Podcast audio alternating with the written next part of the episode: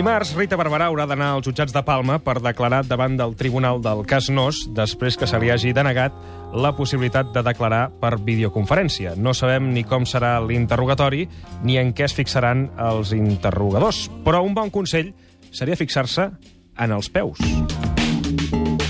Fa anys, un investigador de l'FBI va assegurar que quan s'interrogava un acusat es fixava sobretot en els peus. Per què això, Teresa Baró? Mira, perquè els peus eh, tenen, els controlem molt poc. És a dir, estem acostumats a fingir amb la cara, eh, aprenem a controlar l'expressió del rostre, bastant bé, no sempre, però bastant bé. Fins i tot, moltes vegades, controlem les mans també. Ara bé, a partir de cintura cap avall, la cosa es comença a descontrolar. I és quan estem més tensos, justament, i quan ens fixem en aquesta part superior del mm cos, els peus fan de les seves i encara que sigui lleument, doncs deixen anar uns senyals que ens poden delatar. Ara estic nerviós perquè em penso en tot moment que m'estàs eh, analitzant la meva comunicació no verbal.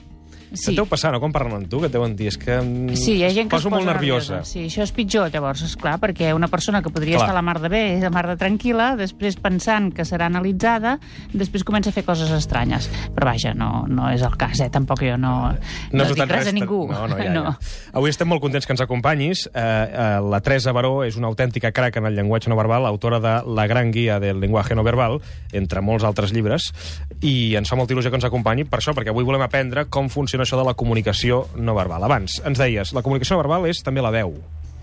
forma part de la veu. El que passa és que, així com el conjunt de llenguatges que fem servir en la part no verbal eh, estan sempre presents, és a dir, quan tu i jo estem parlant presencialment, eh, no podem callar, perquè sigui per l'expressió de la cara, sigui per com posem els braços, sigui per la nostra actitud corporal, estem parlant, estem dient coses.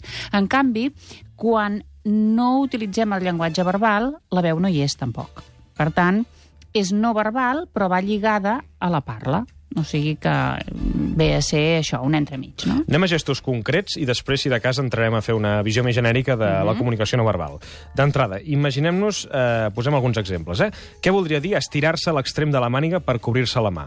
Home, una situació d'incomoditat. Eh, I ho veiem sovint, això. Ho Són podem molts ve- adolescents, no? Ho fan allò de, Molts de adolescents, recollir-se. especialment les noies, i es van estirant les mànigues, es van estirant, i és aquesta voluntat d'amagar-te, perquè, a més a més, eh, no és només aquest gest, sinó que en general encongeixen tot el cos, tiren les espatlles cap endavant, creuen les cames... És a dir, una voluntat de passar desapercebut, una voluntat de reduir el volum del cos, d'amagar-se, i d'una manera molt més subtil ho veiem en adults, molts homes ho fan, això, que s'estiren la màniga de la camisa per sota de l'americana.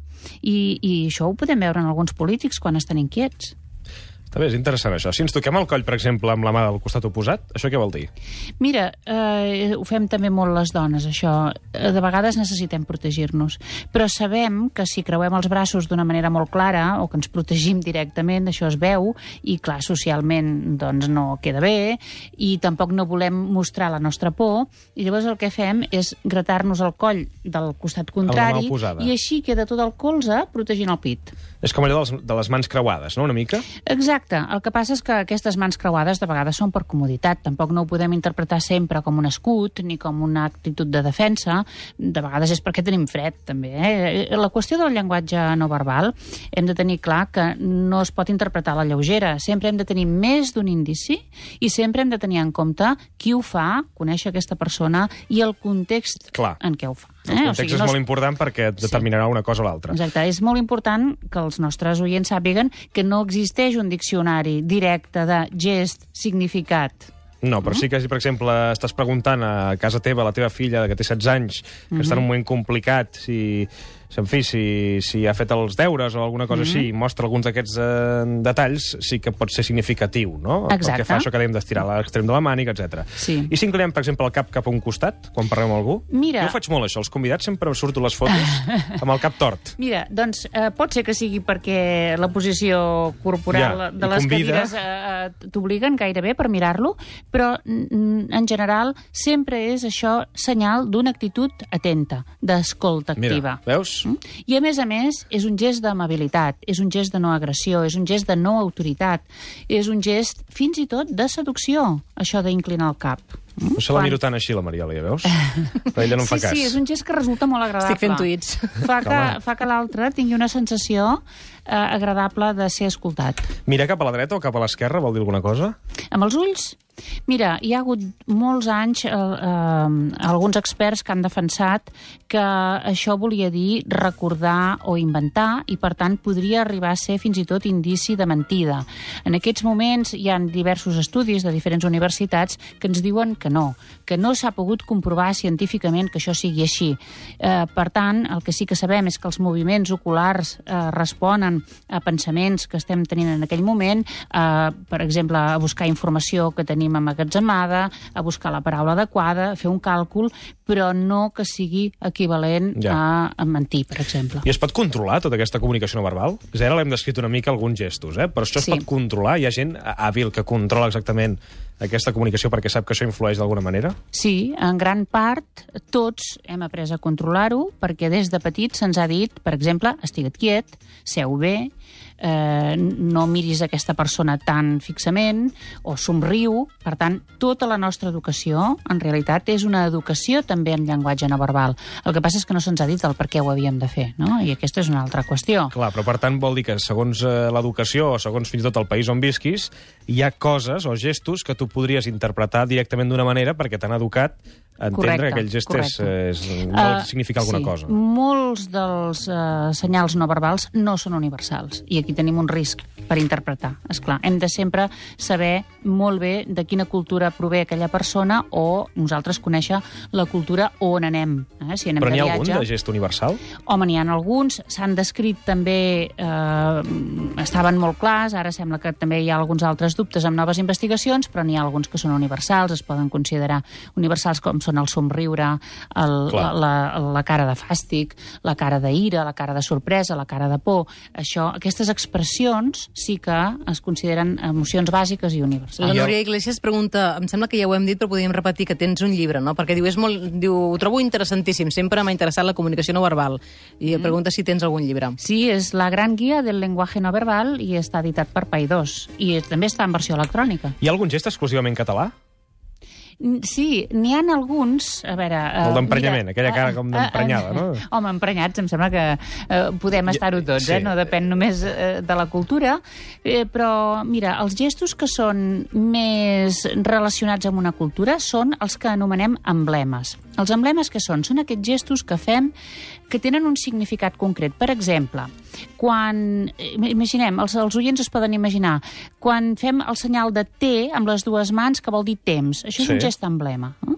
Doncs bé, eh, els catalans, en tenim alguns, estan descrits, els va descriure molt bé Joan Amades, perquè va fer una recopilació de, dels gestos que es feien a Catalunya, no a Catalunya, en l'àmbit dels països catalans, mm. i l'objectiu del seu estudi era comprovar si aquests gestos es podien eh, delimitar també en l'àrea lingüística, és a dir, si coincidia l'espai lingüístic català Amb el gest. amb el gest, amb gestos catalans. I va arribar a la conclusió que no que és molt difícil, això. Per tant, sí que podem parlar, per exemple, de gestos de l'àmbit mediterrani, perquè els compartim amb països com Itàlia, com Grècia, però n'hi ha d'altres que no.